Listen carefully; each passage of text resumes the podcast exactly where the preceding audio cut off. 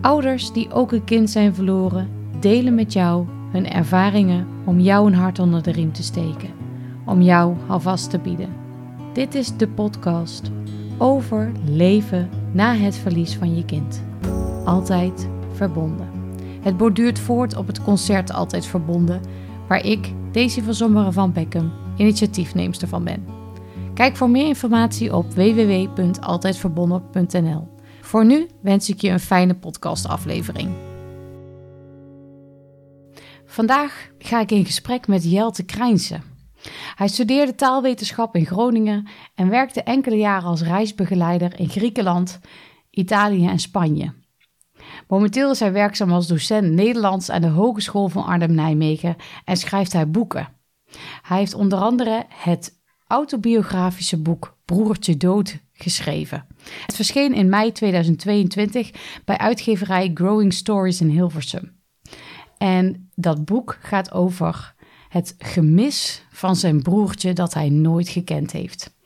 Het is een inlevend en ontroerend boek over hoe hij het verlies van zijn broertje Peter heeft ervaren. En in deze podcast gaan we het hebben over um, wat het verlies van zijn broertje voor impact heeft gehad op zijn leven, op, um, op zijn band met zijn ouders en hoe dat nu is. Goedemorgen, Jelte. Wat leuk dat je vandaag bij mij in huis bent. Je bent zelfs helemaal hier naartoe gekomen om uh, met mij te praten over jouw broertje. Mm -hmm. Hoe heette jouw broertje? Uh, Peter was zijn naam. Peter was zijn naam. Ja. En um, wij, ik heb jou uitgenodigd om met mij daarover in gesprek te gaan. Je hebt een boek geschreven, mm -hmm. Broertje Dood. Mm -hmm. Peter was, is overleden toen jij 2,5 was. Klopt.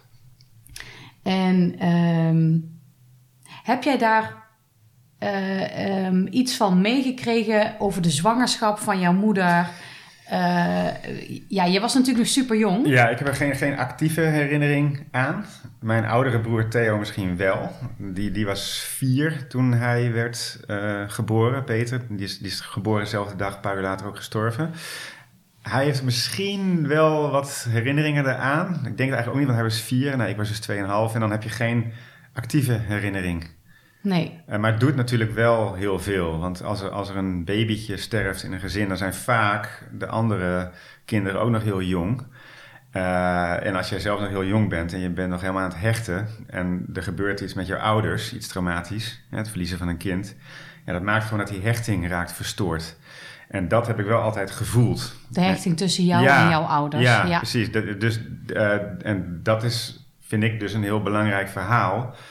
Uh, want je ziet heel vaak dat als er een babytje sterft, als er een kindje sterft in een gezin, dat de, ouder, dat de aandacht heel erg uitgaat naar de ouders. Hè, zo van, oh, wat, wat, wat vreselijk. Het is ook vreselijk.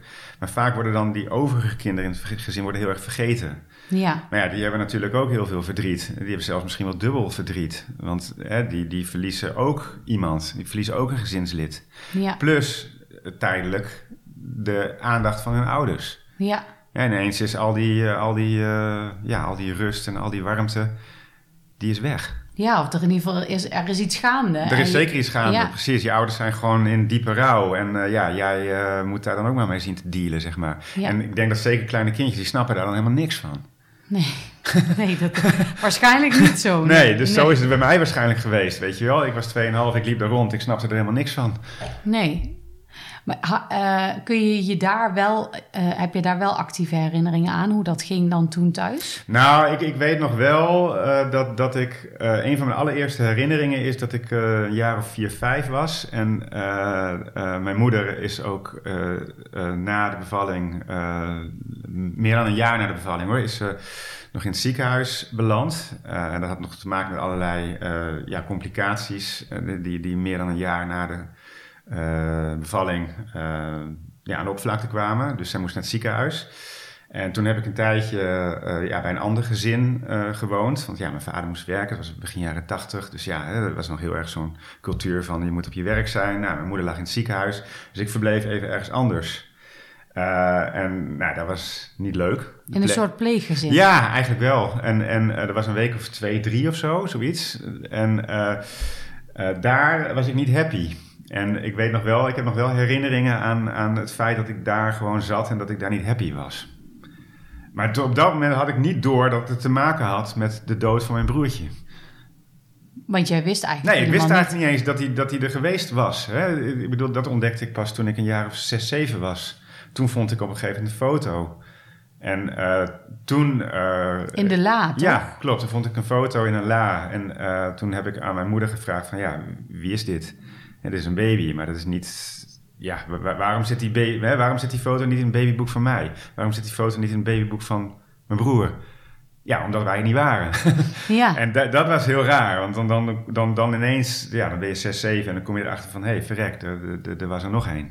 ja. En wie is dat dan? En wie is dat dan, precies? En nou ja, goed, toen is dat uiteindelijk wel verteld door mijn moeder. Ehm, maar het was natuurlijk ook, hè, eind jaren 70, begin jaren 80, was ook een tijd waarin de baby dood een soort van, ehm, ja, het was een soort van, ehm, ja, non-event. Eh, eh, het werd letterlijk ook door hulpverleners onder het tapijt geschoven in die tijd. Men dacht in die tijd ook van, het is voor vrouwen of voor moeders, eh, is het ook beter als ze zich niet hechten. En dus we het kindje zo snel mogelijk weg. Maar ja, dat is natuurlijk, dat maakt het allemaal alleen maar erger. Ja. En tegenwoordig weten we van, eh, ja, dat babytje, dat, dat, dat, dat, hè, dat, dat, dat, dat, dat moet door de moeder nog kunnen worden vastgehouden. En eh, tegenwoordig mag je zelfs in het ziekenhuis mag je nog helemaal aankleden en noem het allemaal op. Maar vroeger werd het gewoon hup weggehaald. En ehm, ja, en, en, en, en dat was dan goed. Maar ja, eh, ik, ik denk juist dat het helemaal niet goed is. Het is echt alleen maar extra traumatisch. Ja, heb Het je is, dat- het is heb- al traumatisch, oh, sorry. Ja. Ja, nee, sorry. Ja, het is al traumatisch op Ja. zich natuurlijk. Heb jij door, eh, door de manier waarop dat toen is ge- gegaan, ook nu achteraf, denk jij ehm, eh, dat dat traumatischer is geweest voor jouw ouders? Absoluut, Ja. absoluut. Als mijn ouders veel betere nazorg hadden gekregen, als die de nazorg hadden gekregen die er tegenwoordig is, dus gewoon met veel meer aandacht voor rouw en veel meer aandacht voor, voor goed afscheid nemen, eh, dan had ik, ja, had mijn jeugd er heel anders uitgezien. Ja, nu, nu, nu, eh, ja, goede nazorg eh, bij babysterfte is, is gewoon ontzettend belangrijk. Ja.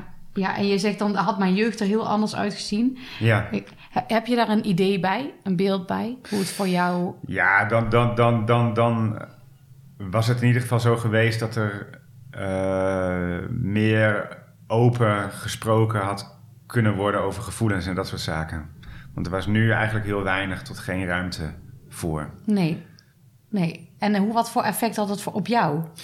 Ehm, ja, eh, in de puberteit eh, eh, was, er, was, er, was er een hele moeilijke fase.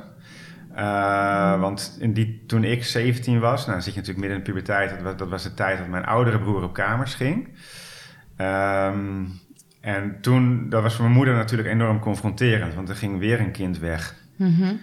En eh, toen belandde ze best wel eh, ja, in, een, in een moeilijke periode. Eh, niet alleen zelf, maar ook met mijn vader. En ik zat daar toen in mijn eentje tussen. En achteraf denk ik van ja, dat had natuurlijk enorm te maken ja, met, met het verlies van hun derde kind, Peter. Eh, ja, dat is een soort van boemerang. Zo'n zo, zo, zo'n babytje, als die geboren wordt en je, je gaat daar, je negeert dat. Ja, dan komt hij op een gegeven moment gewoon keihard als een boemerang terug. Ik, ik, ik denk dat, dat, dat, dat een baby sterft. Ik, ik, ik vergelijk het wel eens met een soort van. Je hebt een soort van kogel die rondslingert in een gezin. Eh, en die kogel die raakt iedereen op een bepaalde manier. En ik heb hem soms voor mijn gevoel wel echt recht in mijn gezicht gekregen. En dat was met name in mijn puberteit. Toen, toen, toen, ja, toen mijn moeder gewoon alsnog, hè, 15 jaar na zijn dood, hè, alsnog weer werd geconfronteerd met zijn dood. En het daardoor ja, wederom niet voor mij was. Ja, Weet je wel? En dan, dan eh, ja, je wordt, je wordt je- eh, mensen in een gezin, gezinsleden worden gewoon heel eenzaam eh, als er niet gezamenlijk gerouwd wordt eh, om een eh, kind. Je moet als gezin echt samen gaan rouwen, samen. En anders is het ieder voor zich.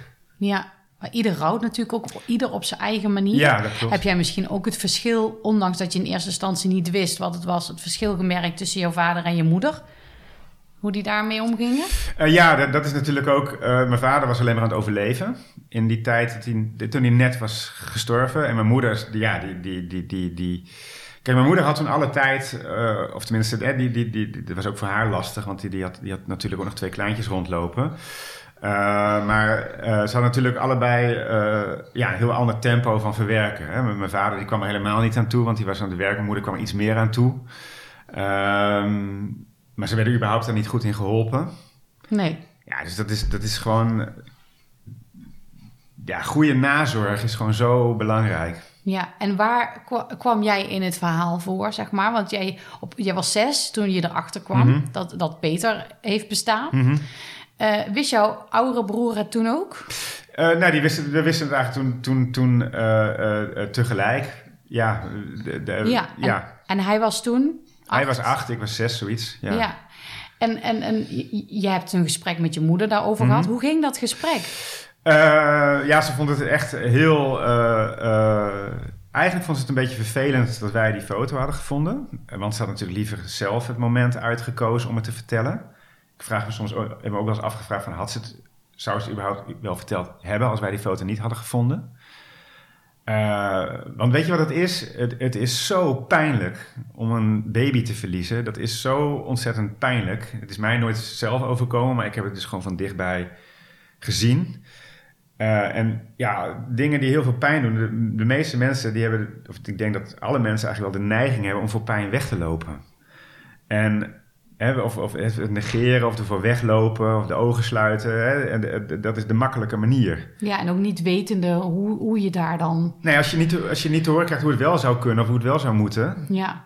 Ja, dan, dan is het helemaal. Ja, dan heb je zo helemaal zoiets van, nou ja, goed. Uh, ik ga maar gewoon door. Ja. En, uh, ja, je hebt geen keuze. Nee, je moet wel. Ja. Ja, ja. maar, ja, maar dat is uiteindelijk gewoon niet de manier om ermee om te gaan. Nee. Want da da daardoor wordt het allemaal alleen maar erger, denk ik. Ik denk dat, dat, dat, dat als jij. Uh, want dan verwerk je het niet goed. En als je het niet goed verwerkt, ja, dan, dan krijg je te maken met allerlei complicaties op, op, op, op, op, op geestelijk en lichamelijk niveau.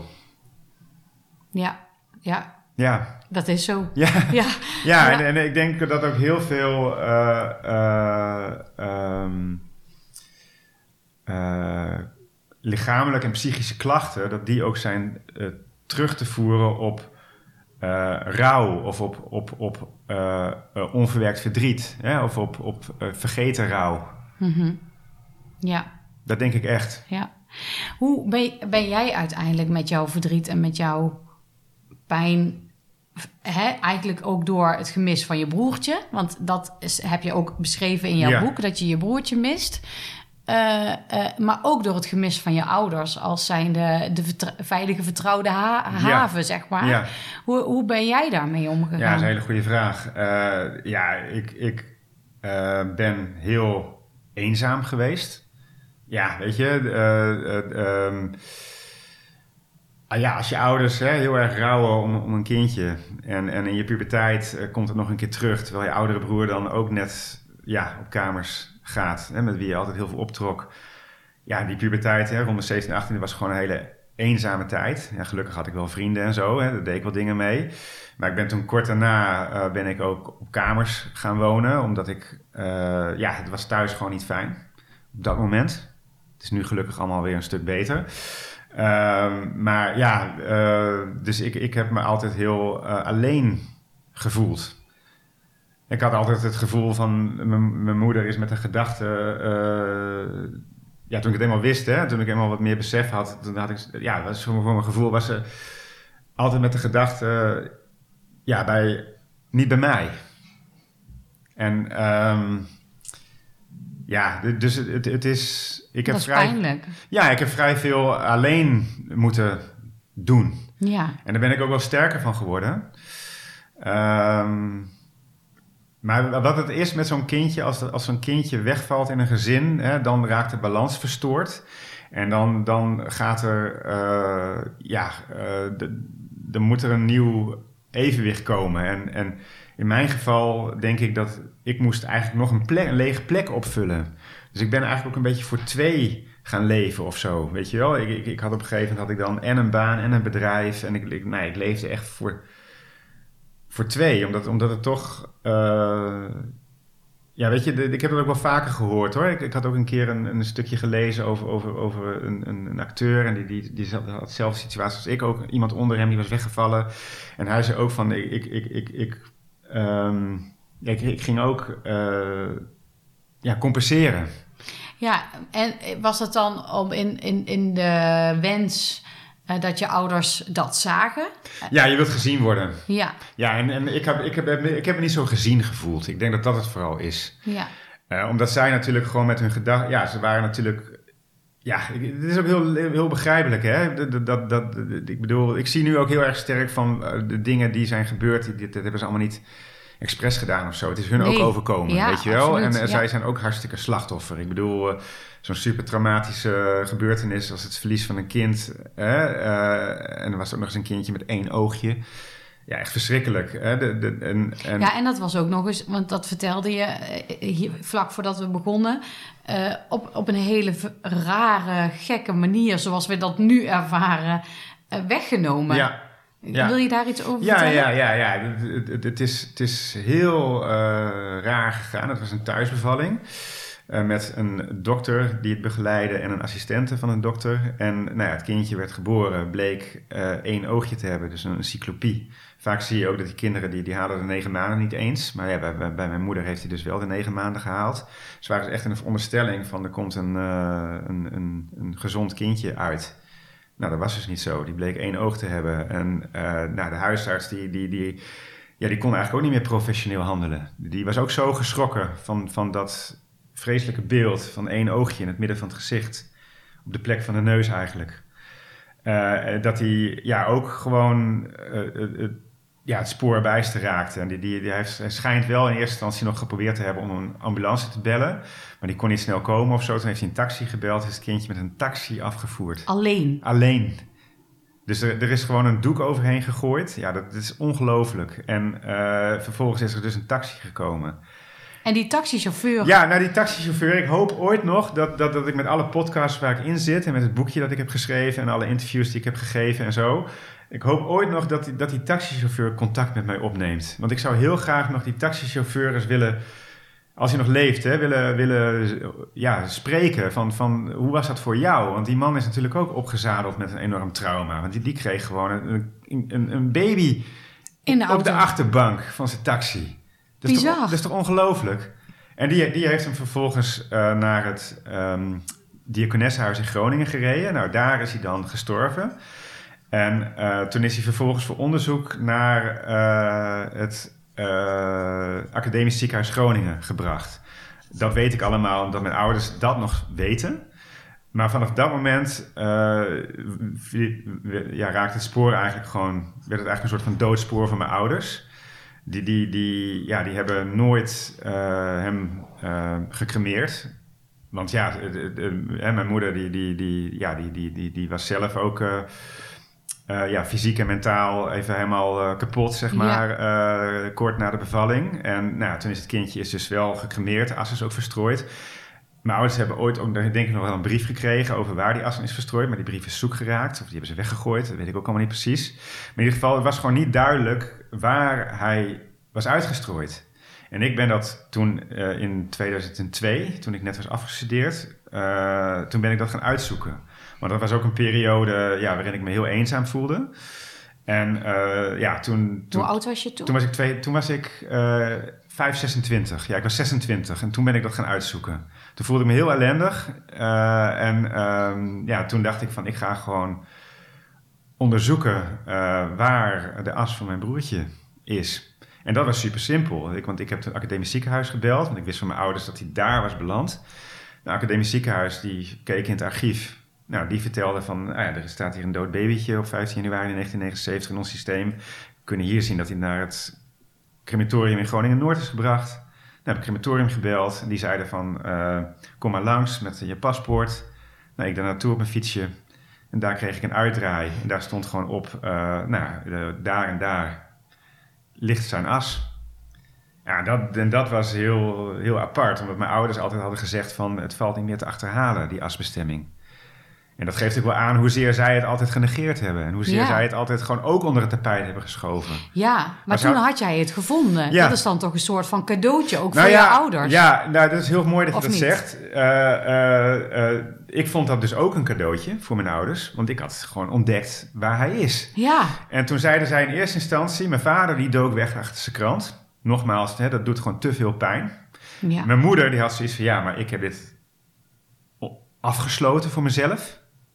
Ja, daarom zeg ik ook van je moet samen rouwen, weet je wel. Zij zei ik heb dit afgesloten voor mezelf... waardoor ik me gewoon ongelooflijk eenzaam voelde. Want mijn vader dook weg achter zijn krant. Mijn moeder die, die had zoiets van... ja, eh, allemaal leuk en aardig dat jij die asbestemming hebt gevonden... maar ik heb zijn naam al in mijn trouwboekje sinds een jaar... want dat had zij dan in 2001 geregeld... dat alsnog zijn naam in haar trouwboekje kwam. Oké. Dus dat was voor haar het moment om het... zonder haar vader, zonder jouw vader. Ja, dat heeft ze ook Oh. alleen gedaan. Dus dat geeft ook aan hoe iedereen op een eilandje heeft gezeten. Is ook helemaal niet goed. Hè? Je moet het echt samen doen. Ehm, maar goed, eh, eh, uiteindelijk pas in 2019, dus 17 jaar nadat ik zijn as had gevonden, toen pas zijn wij met z'n vieren eh, naar die asbestemming gegaan. Hè? Dat, was dan een voormalig eendenkooi in Haren, onder de rook van Groningen. Daar is zijn as uitgestrooid. Toen pas zijn wij daar op mijn initiatief naartoe gegaan. 17 jaar later. En achteraf zeggen wij ook alle vier, waren 17 weggegooide jaren. Ja, joh. Want in die 17 jaar, we hadden daar gewoon, gewoon direct toen ik die asbestemming had gevonden, hadden we daar met z'n vieren naartoe moeten gaan. Ik word er gewoon emotioneel van. Ja, Ja. Dat, dat was, dat, de- want toen wij daar stonden, uiteindelijk op 5 maart 2019, hadden we allemaal, dat, dat was zo'n helend moment. We stonden daar met z'n vieren en we hadden zoiets van, ja, natuurlijk hadden we hier gewoon, natuurlijk moeten wij hier zijn. Want hier ligt ons kind. Hè, niet alleen het kind van mijn ouders, maar ook, ook het kind van mijn broer en van mij. Weet je wel? Want- ja, het is ook ons broertje. En eh, ehm, ja, dus, dus hè, een, een kindje een naam geven en een kindje een plek geven. En, en daar samen wat mee doen als gezin, dat, dat, dat, dat, is, dat is cruciaal. Ja. Ja, ik ben een beetje sprakeloos van. ja. ja, maar wat Ja. mooi dat je dat, ook al is het dan 17 jaar later, dat ze mee zijn gegaan. Ja, nee, de, de, achteraf Ja. zijn mijn ouders ook ontzettend dankbaar voor alles wat ik heb gedaan. Ik bedoel, die, die, die, ik heb niet alleen die asbestemming gevonden en niet alleen het initiatief genomen daar naartoe te gaan. Ik heb ook dat boek geschreven. Ja, En ik heb uiteindelijk dood, ook, ik heb ook uiteindelijk ook, uiteindelijk ook het, het, het initiatief eh, eh, genomen om eh, Peter hè, alsnog in te schrijven in de basisregistratie personen. Want ja, dat is ook zoiets. Dat kan ook pas sinds 4 februari 2019. Pas sinds 4 februari 2019 is het mogelijk om doodgeboren baby's en baby's ehm, eh, die binnen vijf dagen na de geboorte zijn gestorven, of die, voor de, of die in de baarmoeder zijn gestorven, om die, ja, die kun je nu alsnog een naam geven. Ja, En je kon al wel geboorteakte krijgen en zo. Eh, alleen dat, dat, dat, dat zei allemaal niet zoveel, want eh, die kindjes werden niet opgenomen in de basisregistratie. nee? Nee, Oké, dus want je- hij heeft wel geleefd. Ja, precies. Hij heeft gewoon geleefd. En, en eh, ehm, Weet je of dat er, ja, is een hele nieuwsgierige vraag, maar heeft die arts wel onderzocht of dat het kindje niet toch levensvatbaar was? Ook al Eh, schrok hij van het aangezicht van één oog. Ja, nou ja, kijk, eh, ik denk dat hij wel heeft geweten dat, dat, dat cyclopen, en dat cyclopische baby's, dat die niet levensvatbaar zijn. Hè, want ze kunnen ook heel moeilijk ademhalen, omdat ze geen neus hebben, omdat die ene oog zit op de, de ene oog zit op de plek van de neus. Ehm, wat trouwens ook echt verschrikkelijk is, en dat staat wel in mijn boek, eh, is dat die arts, die heeft ook eh, uiteindelijk een einde aan zijn leven gemaakt. Joh. Ja. Ja. Ja, er was in die tijd, 1979, in Noord-Drenthe, waar wij woonden, in Rode, tegen Nieuw-Rode aan, daar, daar, daar stond een fabriek. En dat was een galvaniseerfabriek en die loosde ook chemicaliën in het grondwater. En eh, in die tijd waren er in die buurt waren meerdere ehm, eh, baby's met ernstige misvormingen. En het was al zijn derde of zijn vierde bevalling waarbij ja, iets mis was. Hij had ook al een bevalling gehad met een kindje met een half been of een half arm. En nou ja, toen kwam nog een keer mijn broertje erachteraan met zijn ene oog in het midden van zijn gezicht. Die man schijnt ook al wel ook zelf al psychische problemen te hebben gehad. Heb ik ooit gehoord. Uh, maar die man die heeft dus, uh, ja, uiteindelijk ook is hij uit het leven gestapt. En um, ja, goed, hè, er kan natuurlijk van alles aan ten grondslag liggen. Maar ik denk wel degelijk dat dit een rol kan hebben gespeeld. Ik bedoel, als jij uh, als, als huisarts in hele korte tijd hè, meerdere ernstige misvormingen hebt bij de bevallingen die jij begeleidt, ja, dat doet iets met je. Dat ja. kan haast niet anders. Ja, dat denk ik ook. Dus um, ja. ja. Maar goed, ja. Dus je hebt hem ook nooit meer kunnen spreken en jouw ouders. Nee, en ik denk, ik, het, is, um, ja, het is een heel uh, dramatisch verhaal. Het is ja. echt een heel dramatisch verhaal.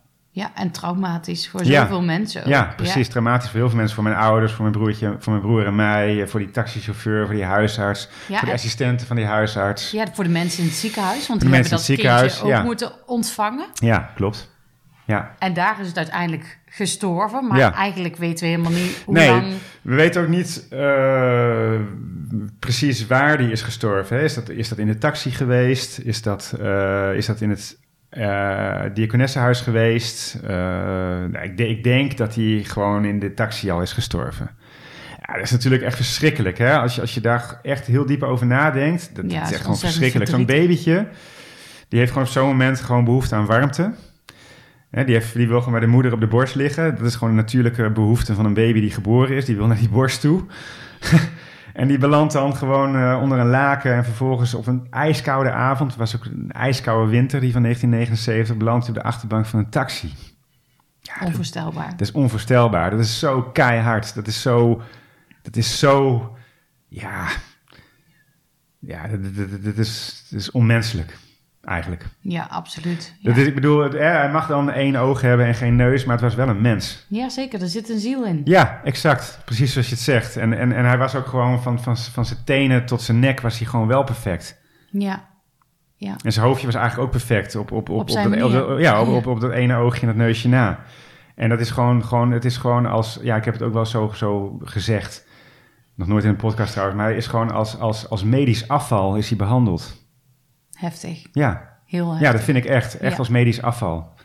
En het, we mogen eigenlijk van geluk spreken dat hij niet echt bij het medisch afval is beland. Want die verhalen heb ik volgens mij ook wel eens gehoord. Ik weet niet helemaal, ik ben niet helemaal 100% zeker van deze woorden, maar in ieder geval, hij is gelukkig naar een crematorium gebracht.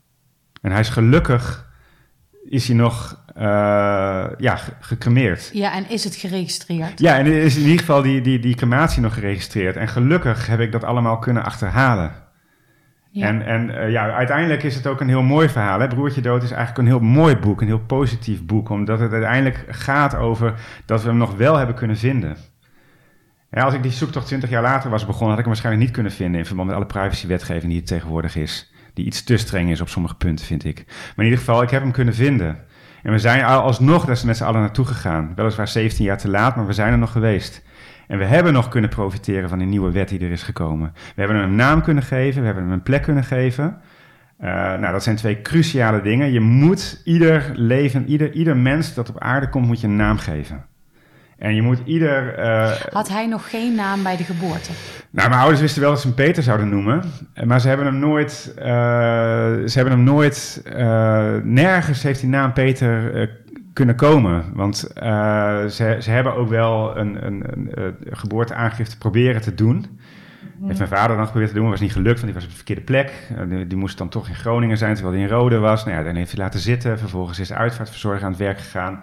Ja, die kreeg toen een, een, een, een, overlijdensakte, die was omgezet in een geboorteakte. Hè, omdat er klopt het gewoon helemaal niks van, van hoe dat allemaal zat in die tijd. Hè, qua, qua wetgeving en geboorteactes en uh, registraties in, in, in, in, in um, uh, gemeentelijke basisregistraties. Om precies te weten hoe dat allemaal zit, zou je eigenlijk een boekje moeten lezen, want er staat het heel helder in uitgelegd. Oké. Uh, maar ja, goed, hè, mijn ouders zijn dus ook echt wel slachtoffer geweest van het feit dat, dat, dat er gewoon hè, uh, juridisch allemaal ook helemaal geen jota van, van, van klopte.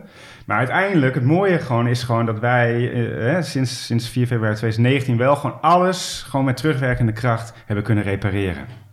Ja, wat En- heeft dat met jou gedaan? Ja, superveel. Het, het- ik zeg wel eens, mijn vrouw hoort het natuurlijk niet graag, ik zeg wel eens gewoon van die dag dat wij Peter hebben geregistreerd, die was mooier dan mijn huwelijksdag. Oh, Omdat het gewoon, eh, het was zo fantastisch dat hij een naam kreeg. Het was zo fantastisch dat, hij, dat we een, een gedenkplaatje hebben opgehangen op de plek waar zijn as is uitgestrooid. Het was fantastisch nou ja, dat we dat met z'n vieren deden. Hè? Mijn, mijn vader, mijn moeder, eh, eh, mijn broer en ik. En ik heb me werkelijk waar zelden in mijn leven zo verbonden gevoeld als op die dag. Verbonden met het gezin van herkomst. Juist. Ja. Ja. want het gezin van herkomst is altijd eh, een gezin geweest met één groot gat. Een groot zwart gat. Waar, waar iedereen op zijn eigen manier gewoon ontzettend veel last van had. Ja, En mijn broer heeft er ook last van gehad, op een andere manier dan ik. Mijn vader heeft er ook last van gehad. Mijn moeder heeft er last van gehad. Ik heb er last van gehad. En die dag dat wij hem een naam konden geven en dat wij hem een plek hebben gegeven, dat was echt een gouden dag. En dat soort brieven krijg ik nu ook van mensen. Er zijn mensen die hebben dan mijn boekje gelezen en die, hebben, die, zeggen, die schrijven mij dan van Jelte, wij hebben ook gedaan wat jij hebt gedaan met jouw gezin van oorsprong. Eh, wij hebben het dode babytje ook alsnog eh, een naam gegeven. En wij hebben het dode babytje ook alsnog een, een, een plekje gegeven. Hè. We hebben ergens een, eh, een gedenkplaatje opgehangen. Of we hebben ergens ook nog een, een grafsteentje neergelegd. Of we hebben ergens eh, een, een, gedenkteken, een boom gehangen. Zo'n zo'n dame heb ik ook gehad die dat schreef. En ze schrijven allemaal, ik heb een stuk of drie, vier van dat soort brieven gehad. Het, waren dagen met gouden randjes. Nou, en daarom zit ik ook graag in dit soort podcasts. Omdat ik dat gewoon een super belangrijk verhaal vind om te vertellen. Als je de dood negeert, negeer je het leven. En dat, dat is wat ik. eh, ja, hè, juist door die dood te omarmen, eh, ga je weer, eh, gaat het leven weer stromen. ja, zeg je heel mooi. Ja, dat, is- dat is wat ik, dat- wat ik heel sterk voel. En, en eh, daarom vind ik dit soort gesprekken ook eigenlijk gewoon heel erg prettig. Omdat ik me dan ook altijd daarna weer, weer gewoon weer, weer, weer, weer sterker en beter voel. Ja, En, en hè, voer je dit soort gesprekken niet, ja, dan, dan, dan, dan, ehm, ja, dan, dan, dan stokt het leven. Ja. Ja. Op die dag dat jullie daar stonden met z'n vieren... Mhm. ehm, ik, ik heb nu een beeld voor me dat jullie elkaar ook gewoon even vastpakken. ja, tuurlijk. Was dat, was dat er ook, zeg maar, zonder weg te duiken achter de krant... dat je eindelijk... Ja, dat was ongelooflijk. Ik, ja. ik, we hebben ook foto's gemaakt. Het zijn echt super mooie foto's. En we staan er allemaal stralend op.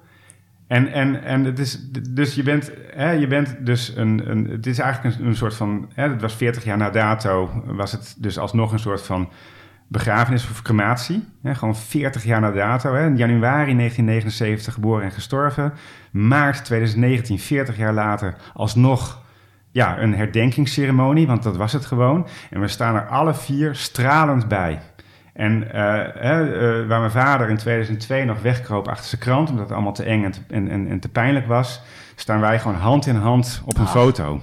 Prachtig. Allebei gewoon gelukkig. Ja, Ja, juist doordat we eh, dat enorme pijnlijke wel zijn aangegaan.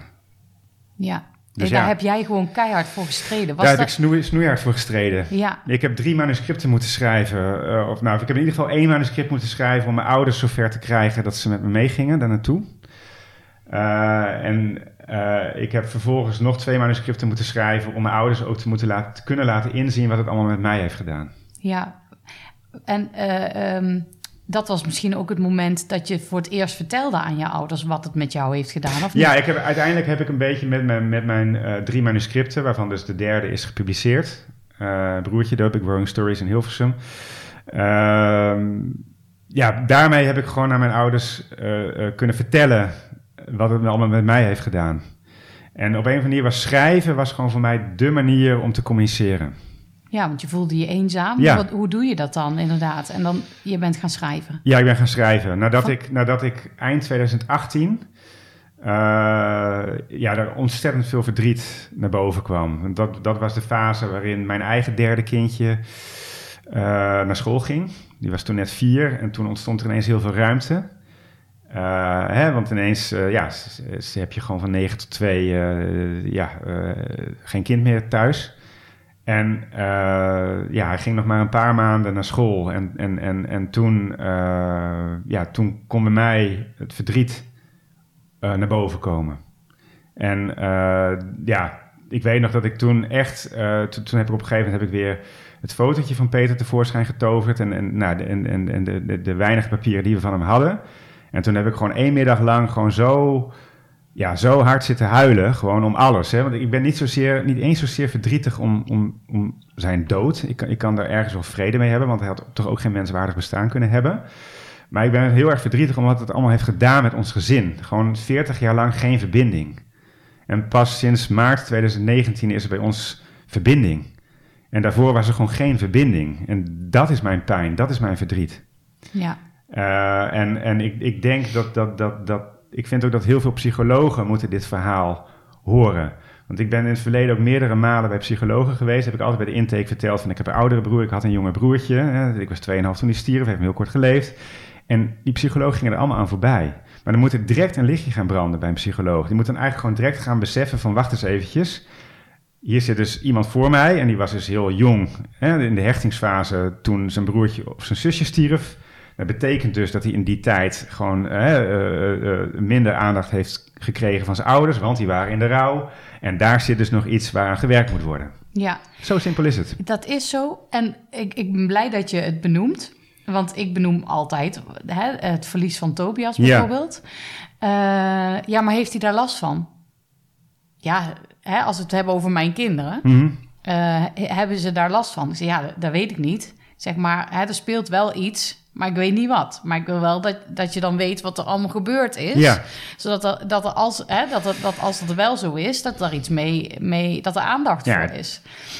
Ja, weet je, als hij geen behoefte hebben om daarover te praten, dan eh, hoef je het daar ook niet over met nee, over als, te als, hebben. als, Ja. hij, als, als jouw andere kinderen dat behoefte niet hebben om daarover te praten, is het goed. Maar ze moeten het wel weten.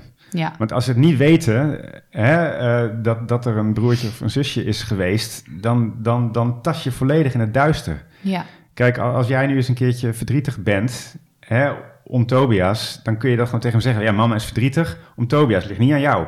nee. en dan weet hij gewoon gelijk van, oh gelukkig, ligt niet aan mij. Nee, Want ik heb ook wel het verleden gevoel gehad van, doe ik iets verkeerd of zo? ja. ja. Weet je wel? En, Oh, ja. en nee, natuurlijk deed ik niks verkeerd. Ze was gewoon verdrietig. Ja, en bij jou in het gezin is er nooit. Op een gegeven moment wist je het wel, maar is er als je moeder verdrietig was of je vader eh, of niet aanwezig was door pijn of verdriet, dat ze, kon, dat, ze dat konden Nee, er werd niet over gesproken. Nee, Nee. over Peter werd niet gesproken. De naam Peter die valt pas sinds 5 maart 2019. Ja, Ja, ongelooflijk. ja.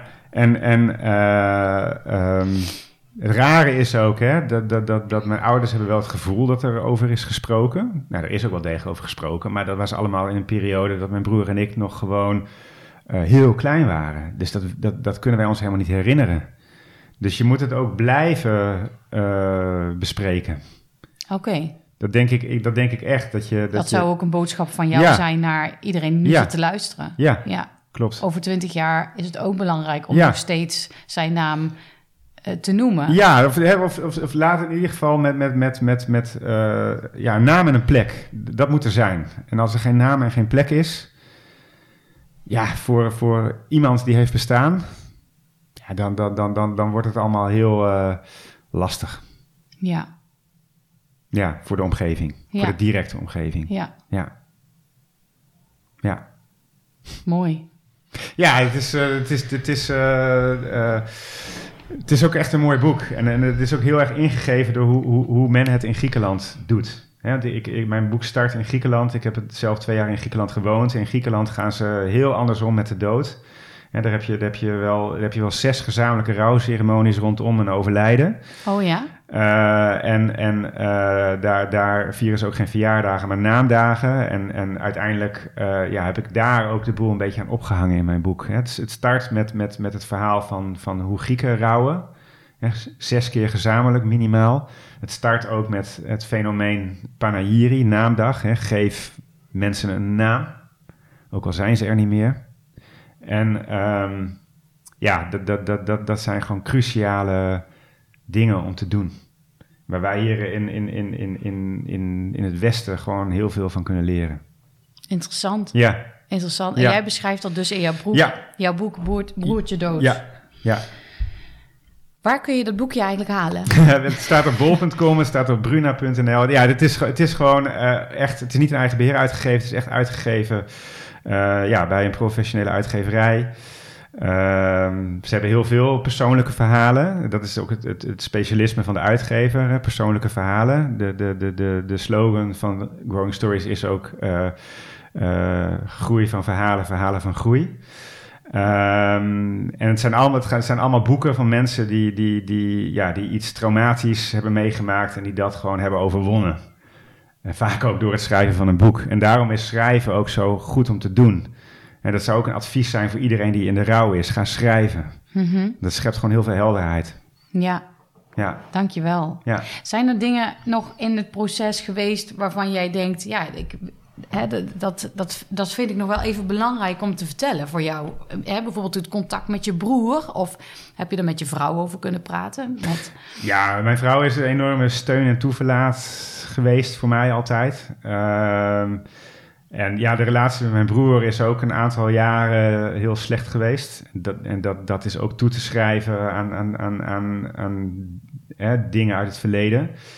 Ja, daar wil ik niet al te diep op ingaan. Uh, maar ja, nogmaals, als er een gezin is waarin een baby of een kindje wegvalt, uh, dan raken de onderlinge relaties raken hoe dan ook verstoord. En die kun je gewoon weer herstellen door te beginnen bij de kern. En de kern is het erkennen en het herdenken van dat dode babytje of dat dode kindje. En van daaruit kun je weer stappen vooruit gaan zetten. En zo hebben mijn broer en ik dat ook gedaan. We hebben ook onze mindere fases gehad. Uh, maar uh, ja, dat gaat nu ook weer uh, de goede kant op. Net zoals de relatie met mijn ouders op dit moment ook weer de goede kant op gaat. Ja. En um, ja, de basis moet gewoon goed zijn. Ja. En een basis is gewoon goed uh, als alle gezinsleden uh, er mogen zijn, ook de gestorvenen. Ja, en dat je daar samen over kunt praten. Juist. Ook al kun je elkaar niet altijd vinden in hoe je het doet of uh, hoe je er naar kijkt. Nee, als kijk, er maar openheid is. Ja, openheid is gewoon super belangrijk. En kijk, iedereen heeft een ander tempo van rouwen, iedereen heeft een andere manier van rouwen. Maar juist daarom moet je het doen zoals die Grieken dat doen. Gewoon zes keer gezamenlijk in een kapelletje. Ja. of, of, hè, ben je daar wel eens bij geweest of hoe dat, hoe dat dan gaat? Nee, ik, ik, heb, ik heb wel een keer een naam, een viering van een naamdag uh, bijgewoond in Griekenland. Nou, dat is gewoon één groot feest. Uh, ik heb nooit een Grieks-orthodoxe begrafenis zelf bijgewoond, maar ik heb wel gewoon uh, ja, uit de eerste hand van een Griek, van een Griekse, vernomen hoe dat gaat. Ja, dat, dat, dat, dat is gewoon prachtig hoe ze dat doen. Ja ze, ze, ze, hebben uh, uh, zes gezamenlijke rouwceremonies met de hele familie erbij. Eh, ze gaven op een gegeven moment zelfs ook uh, een, twee botten op. Eén een van de schedel en één van een ander deel van het lichaam. Zodat, zodat lichaam en geest er nog weer ergens anders een plekje krijgen. Dat gaven ze op. Dat geven ze dan een plekje in een bottenhuis of op een begraafplaats. Zodat in ieder geval ergens ja, lichaam en ziel uh, nog zijn. En, en uh, ja, je noemde ze straks het woord ziel. En eh, ieder, uh, ja, de, de, die zielen die bestaan. en die zielen die moet je dus wel erkennen. Ja. Is er ook zo, um, want in mijn concert altijd verbonden en eigenlijk met altijd verbonden zeg ik dat um, altijd verbonden ook met je overleden kind of overleden mm -hmm. dierbare. Um, ook al zijn ze overleden, kun je op een bepaalde manier, of dat nou groot of klein is, op welke manier dan ook, een verbinding nog ja. uh, maken. Of dat nou door middel van schrijven is, of dat nou door middel is van energieën voelen. Uh, is dat iets wat, wat, wat jou, waar je, waar je, waar je denkt van, hé, hey, dat, dat, dat is het voor mij met, met Peter? Je bedoelt het schrijven? Dat, dat... Nou ja, je hebt inderdaad heel veel geschreven, maar ik, ik vraag me dus af, hè, met het ziel, ze zijn er nog. Uh, op een bepaalde manier. Of je contact met hem ja, hebt of zo. Of, ja. of dat je zijn energie voelt bij jouw zoektocht die je hebt ik gehad. Denk, of... Ik denk wel degelijk dat je, dat je die energie die voel je. Absoluut. Dat, dat heb ik als, als kind tussen, tussen 2,5 en 18 ook altijd thuis gevoeld. Er is, er is hier een soort van energie. Een soort van negatieve energie, hè? want er is iemand dood. En dat heb ik altijd wel gevoeld. En, en, eh, en, en, en, en, en gelukkig heb ik nu dat, dat, dat, dat nare gevoel kunnen verklaren. Ja, dat was hij. Ja. Snap je? Ja. En of ik nu nog contact met hem heb, nou nee. dat- dat- dat- eh, ik geloof echt wel dat dat, hè, dat, dat, dat kan. Hè? Ik bedoel, ik ken ook mensen die, die zijn hun kind verloren en die hebben nu soms nog steeds het gevoel van, van, van eh, ik, ik kan contact hebben met mijn kind. Ik ken ook wel eh, iemand die zijn moeder verloren en die had ook een keer verteld dat hij toch nog een soort contact met zijn moeder had, terwijl ze al was overleden. Ehm, Kijk, ik vind, ik vind het gewoon heel erg fijn eh, dat de naam Peter nu genoemd mag worden. En ik vind het gewoon heel fijn eh, ja, dat ik daarover kan praten, dat ik daarover mag praten, dat er ook eh, nou ja, aandacht voor is. Ehm, ja, want het is niet niks. Ik, ik denk Nee. zelfs dat, dat een, een, een- babydood is heftiger dan, een, dan de dood van iemand die ja, langer heeft geleefd. En dus heel vaak is, is, zo, zo, zo, is, is dan de eerste reactie van...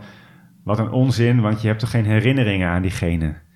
Ehm, maar ik denk juist dat... Het, dat heb ik ook in mijn boekje beschreven. Hadden we maar herinneringen. Kijk, als er iemand van volwassen leeftijd sterft... dan heb je ook nog heel veel leuke dingen waar je op terug kan blikken. Van, oh, dat en dat en dat heb ik allemaal met hem of haar meegemaakt. En dat was fantastisch, dat was leuk, dat was mooi. Maar als een babytje sterft, dan heb je dat niet. Nee. Dus dat is eigenlijk gewoon, eh, ja, het is een zwaar onderschat verlies. Ja, en, en als, als ik het aan, aan mag vullen, dus een heel stil en eenzaam verdriet, Ja, verlies. klopt. Want voor, de omgeving eh, is er niks ook- veranderd. Nee. Want nee. de, de- dus ze hebben nooit iemand gezien en die, diegene zien ze nog steeds. Maar die moeder heeft wel degelijk negen maanden het kindje gedragen. Ja, ja en, En- en er ver- verandert heel veel in jullie gezin. Ja, En, en daarbuiten, als het kind heeft geleefd of er heeft een volwassen persoon geleefd, die heeft al ehm, connecties met veel meer mensen Ja. in de samenleving, die meerouwen als het ware. ja, precies. Ja, nee, klopt. Het is een heel eenzaam... eh, dat heeft mijn moeder ook wel verteld. Dat ze zich enorm eenzaam heeft gevoeld. En eh, ja, en... en, en, en eh, ja, en dat heb ik dus ook. En, en hè, nou ja, nogmaals, eh, die eenzaamheid bij al die verschillende gezinsleden, die kun je dus wegnemen door gezamenlijk Dat te doen. dingen er, er- ja, rondom die dood te doen. Ja. En wij gaan nu ook, dat is echt ook heel, wel heel mooi, we gaan nu ook, eh, ieder jaar gaan we eh, eh, met z'n allen naar de Eende Kooi en Haren, waar dat gedenkplaatje van Peter hangt. Prachtig. Dus nu vandaag is het eh, 18 januari, nou drie dagen geleden was het dus 15 januari, de geboorte- en sterfdag van Peter. Toen heb ik mijn ouders ook opgebeld. Ah, En eh, toen stelde mijn vader ook gewoon voor van... nou, zullen we weer even een datum gaan prikken met z'n allen, met z'n vieren. Dus wil je contact opnemen met Theo, met je broer... en, en, en, hè, en dan bij, bij ons terugkomen met een datum... zodat we daar weer met z'n allen naartoe kunnen. Nou, dat is natuurlijk schitterend als je bedenkt dat hij... eh, ja, dik 20 jaar geleden nog achter zijn krant wegdook. ja. En dat hij dan is- nu zelf voorstelt van... nou, zullen we weer. Het is zo, ik vind het zo mooi. Ja, het is Ik prachtig. vind het echt Ja. heel mooi. En ja, ik ben heel blij voor jullie dat jullie elkaar daarin samen weer hebben gevonden. Ja, Ja. dankjewel. Ja, dat gun ik dus veel meer gezinnen. Ik, ik, ik weet ook nog, ik heb ook met, eh, ik heb vier, vijf pagina's grote psychologie magazine gestaan. En dan kreeg ik een, een, een reactie van een jongen. eh, die had mij gemaild, die had mijn website gevonden, die had me gemaild. En die zei dat hij met tranen in zijn ogen dat, dat, dat, dat artikel had gelezen, omdat het allemaal zo herkenbaar was. Hè. Hij was dan ook het broertje van, of de broer van, hè, de, de, de, broer, de oudere broer van de overleden baby. En hij vertelde ook dat, dat, nou ja, dat in zijn gezin, eh, dat, het ook, dat iedereen op een eilandje zat en dat hij echt vurig hoopte dat, dat, dat hij zijn ouders ook nog eens een keer zover kreeg, zou kunnen krijgen om dan gezamenlijk eh, iets rondom die dood te doen. En dat geeft ook aan hè, hoe belangrijk het dus ook voor broers en zussen is. Ja, zeker. Hè, de, de, de, de, de, de broertjes en de zusjes, die, die moeten niet vergeten worden. Die worden zo vaak vergeten als er een kindje wordt, eh, overlijdt. Oh, verschrikkelijk voor papa, verschrikkelijk voor mama. Absoluut waar is het ook. Is ook hartstikke verschrikkelijk. Maar het is minimaal net zo verschrikkelijk voor die broertjes en die zusjes. Ja, Die staan er echt helemaal alleen voor. Want, want kijk, die hebben ook nog weinig eelt op de ziel. Hè? Volwassenen hebben al iets meer eelt op de ziel. Maar eh, kindjes nog helemaal niet. nee. En die moeten dan ook dealen met het overlijden. En die moeten ook dealen met ineens veel minder eh, ja, aandacht van die ouders. Want die zijn met hun hoofd bij het overleden kindje. Ja, ja ik voel het helemaal. Ja. Dank je wel, Jelte. Ja, graag gedaan. Dank je wel. Dan gaan we hem afsluiten voor vandaag. Helemaal goed. Maar dat doen we altijd met ehm, met een muziekvraag. ja. Is er iets van ehm, muziek waarbij, ja, dat voor jou heel belangrijk is als je het hebt over dit onderwerp, over jouw broertje of over jouw gezin? ja, het is wel mo- mooi dat je het vraagt. Wat ik echt super gaaf nummer vind, dat is Scar Tissue van de Red Hot Chili Peppers. Oh ja? Ja, littekenweefsel, hè, Scar Tissue. Eh, ja, dat vind ik, vind ik zo'n geniaal nummer. Omdat dat, dat, dat nummer, daar zit zoveel pijn in. En dat nummer zit ook ontzettend veel bevrijding in. En eh, ja, als ik dat nummer luister, dan, dan, dan, dan ja, dat, is geniaal.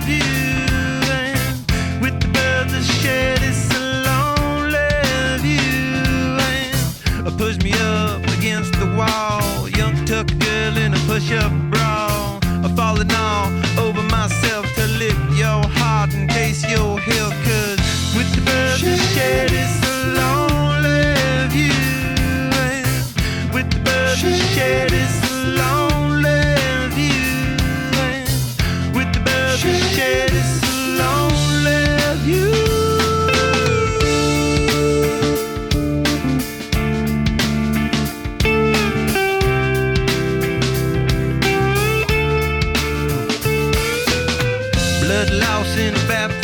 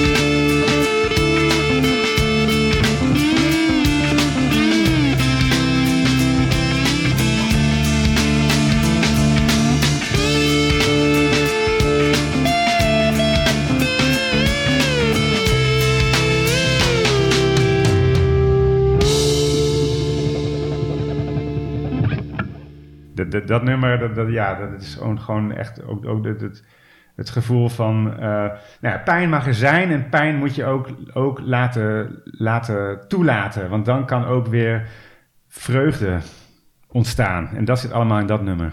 Fantastisch. Fantastisch. Ja. en waarom ik zo enthousiast reageerde is mijn partner is helemaal gek van de Red Hot Chili Peppers. ja. En wij zijn ook best wel veel naar, of nou, best wel veel. Nou, er zijn ook echt wel een aantal keer naar concerten van de Red Hot Chili Ja. Peppers geweest. CD's helemaal grijs gedraaid vroeger in Ja. onze puberteit. Dus ik ken dit lied ook gewoon. Dus eh, heel mooi. Ja, ik, vind met name bij NH Radio eh, zat dan de live versie van 2003 erin, van, van Slane Castle. Ja, Ja, en daar is nog nooit zo goed gespeeld als daar. En, en ja, dat is echt eh, zo, eh, ja, zo geniaal. oh, tof. Heel tof. Ik ga hem erbij zoeken. Helemaal goed. Fijn dat je er was. Dankjewel, Dankjewel. Jelte. Graag gedaan. Dit was alweer het interview met Jelte. En ik vond het een heel mooi, openhartig gesprek met Jelte. Waarin hij echt vertelt over zijn ervaringen als zoon van ouders die ook een kind zijn verloren. En wat kunnen wij hier als ouders van een overleden kind voor andere broertjes en zusjes uithalen? Ik denk dat het, het mooiste wat, wat Jelte deelde voor mij in deze podcast is, is rouw met elkaar. Ehm, deel het met elkaar en, en doe het niet ieder alleen. Ook al rouw je ieder op een eigen manier, ehm, betrek elkaar erbij. Laat weten wat er aan de hand is. En zo ja, maak je eigenlijk eh rouw bespreekbaar binnen het gezin en voorkom je zoveel mogelijk eenzaamheid binnen een gezin. Ik hoop dat jullie eh, genoten hebben van deze, van deze podcastaflevering en tot de volgende keer. Bedankt voor het luisteren naar de podcast over leven na het verlies van je kind. Altijd verbonden. Wil je geen enkele aflevering van deze podcast missen? Abonneer je dan. Dan krijg je automatisch een melding als er weer een nieuwe aflevering online staat. Laat je ook even een review achter onder deze podcastaflevering. Dat vindt niet alleen ik, maar dat vindt ook mijn gast leuk om terug te lezen. Zij vinden het namelijk fijn om te horen wat zij voor jullie hebben kunnen betekenen door mee te doen aan deze podcast. En op die manier supporten we elkaar. Altijd verbonden met elkaar. Wil je ook meedoen aan de podcastaflevering? Stuur dan een mail naar altijdverbonden.outlook.com. Voor meer informatie over onze concerten en deze podcast, kijk op www.altijdverbonden.nl.